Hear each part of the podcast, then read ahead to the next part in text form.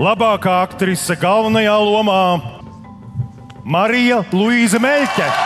Nacionālās kino balvas lielais Kristaps žūrija lēma, ka labākās aktrises tituls par galveno lomu filmā Neona pavasaris piešķirams Marijai Luīzai Meļķei, taču aktrise pārsteidza. Būtu liekulīgi no manas puses pateikt visiem paldies vienkārši un nepateikt to, ka mums ir pienācis laiks valstī pieņemt dzīves biedru likumu. Man ir ļoti, ļoti žēl, ka es nevaru pieņemt šo lielo kristapu, jo vienkārši tas ir valsts līmeņa apbalvojums par darbu, kurā es attēloju meiteni, kādu realitātē šī valsts atsakās aizstāvēt. Aktrise pavadīja stāvu ovācijas zālē, kā arī sociālajos tīklos vienaldzīgie šai runai nebija. Daži nozars pārstāvi pauda, ka aktrises runa bija spēcīga un trāpīga. Protams, bija arī pretēji viedokļi, ka no balvas tomēr nevajadzēja atteikties. Nacionālo kino balvu Lielais Kristaps rīko Latvijas Kinematogrāfistu savienība sadarbībā ar Nacionālo kino centru. Savienības pārstāve un pasākuma organizatori Mārta Bita saka, ka pagaidām līdz tālākam savienības lēmumam balvu glabās organizatori.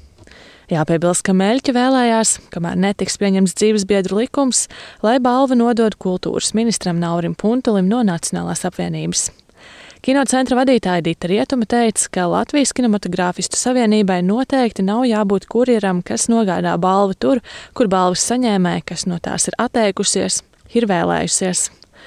Turpina rietuma. Mēs dzīvojam demokrātiskā sabiedrībā, un katram pilsonim ir iespēja publiski paust savu attieksmi, savu nostāju dažādos jautājumos.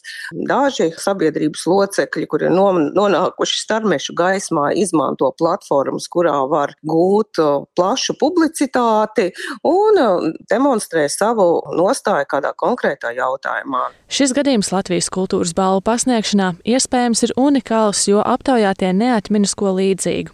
Taču Latvijā bijuši gadījumi, kad atsakās no triju zvaigžņu ordeņa. To darījis ir režisors Alvis Hermanis, arī literāte Lidija Doroņina Lasmane.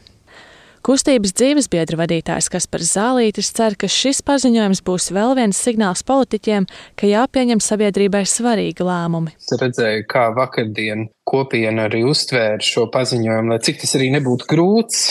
Tas deva tādu ziniet, mugurkaula sajūta, ka ja politiķi neiestājās par mums, tad mēs redzam, ka daudz citu sabiedrības cilvēku arī iestājās par mūsu tiesībām. Pērn visa gada garumā parlamenta dienas kārtībā bija civilās savienības likuma projekts, kas paredzētu, ka divas pilngadīgas personas pie notāra varētu reģistrēt savu kopdzīvi. Tomēr 14. sēma nepārņēma no iepriekšējā sasaukuma šo likuma projektu. Ir sekojušas arī citas iniciatīvas, taču arī tās noraidīja parlaments. Kas par zālītis saka, ka process virzās lēnām uz priekšu. Visu ģimeņu aizsardzība ir ierakstīta valdības rīcības plānā, kopiena ir vairākus priekšlikumus nodevusi valdībai un cer, ka pēc budžeta pieņemšanas koalīcija šo jautājumu varētu skatīt. Šobrīd jau 35 pārtiesas priekšā ir atzīti par ģimenēm, un šis process turpinās. Linda Spundiņa, Latvijas radio.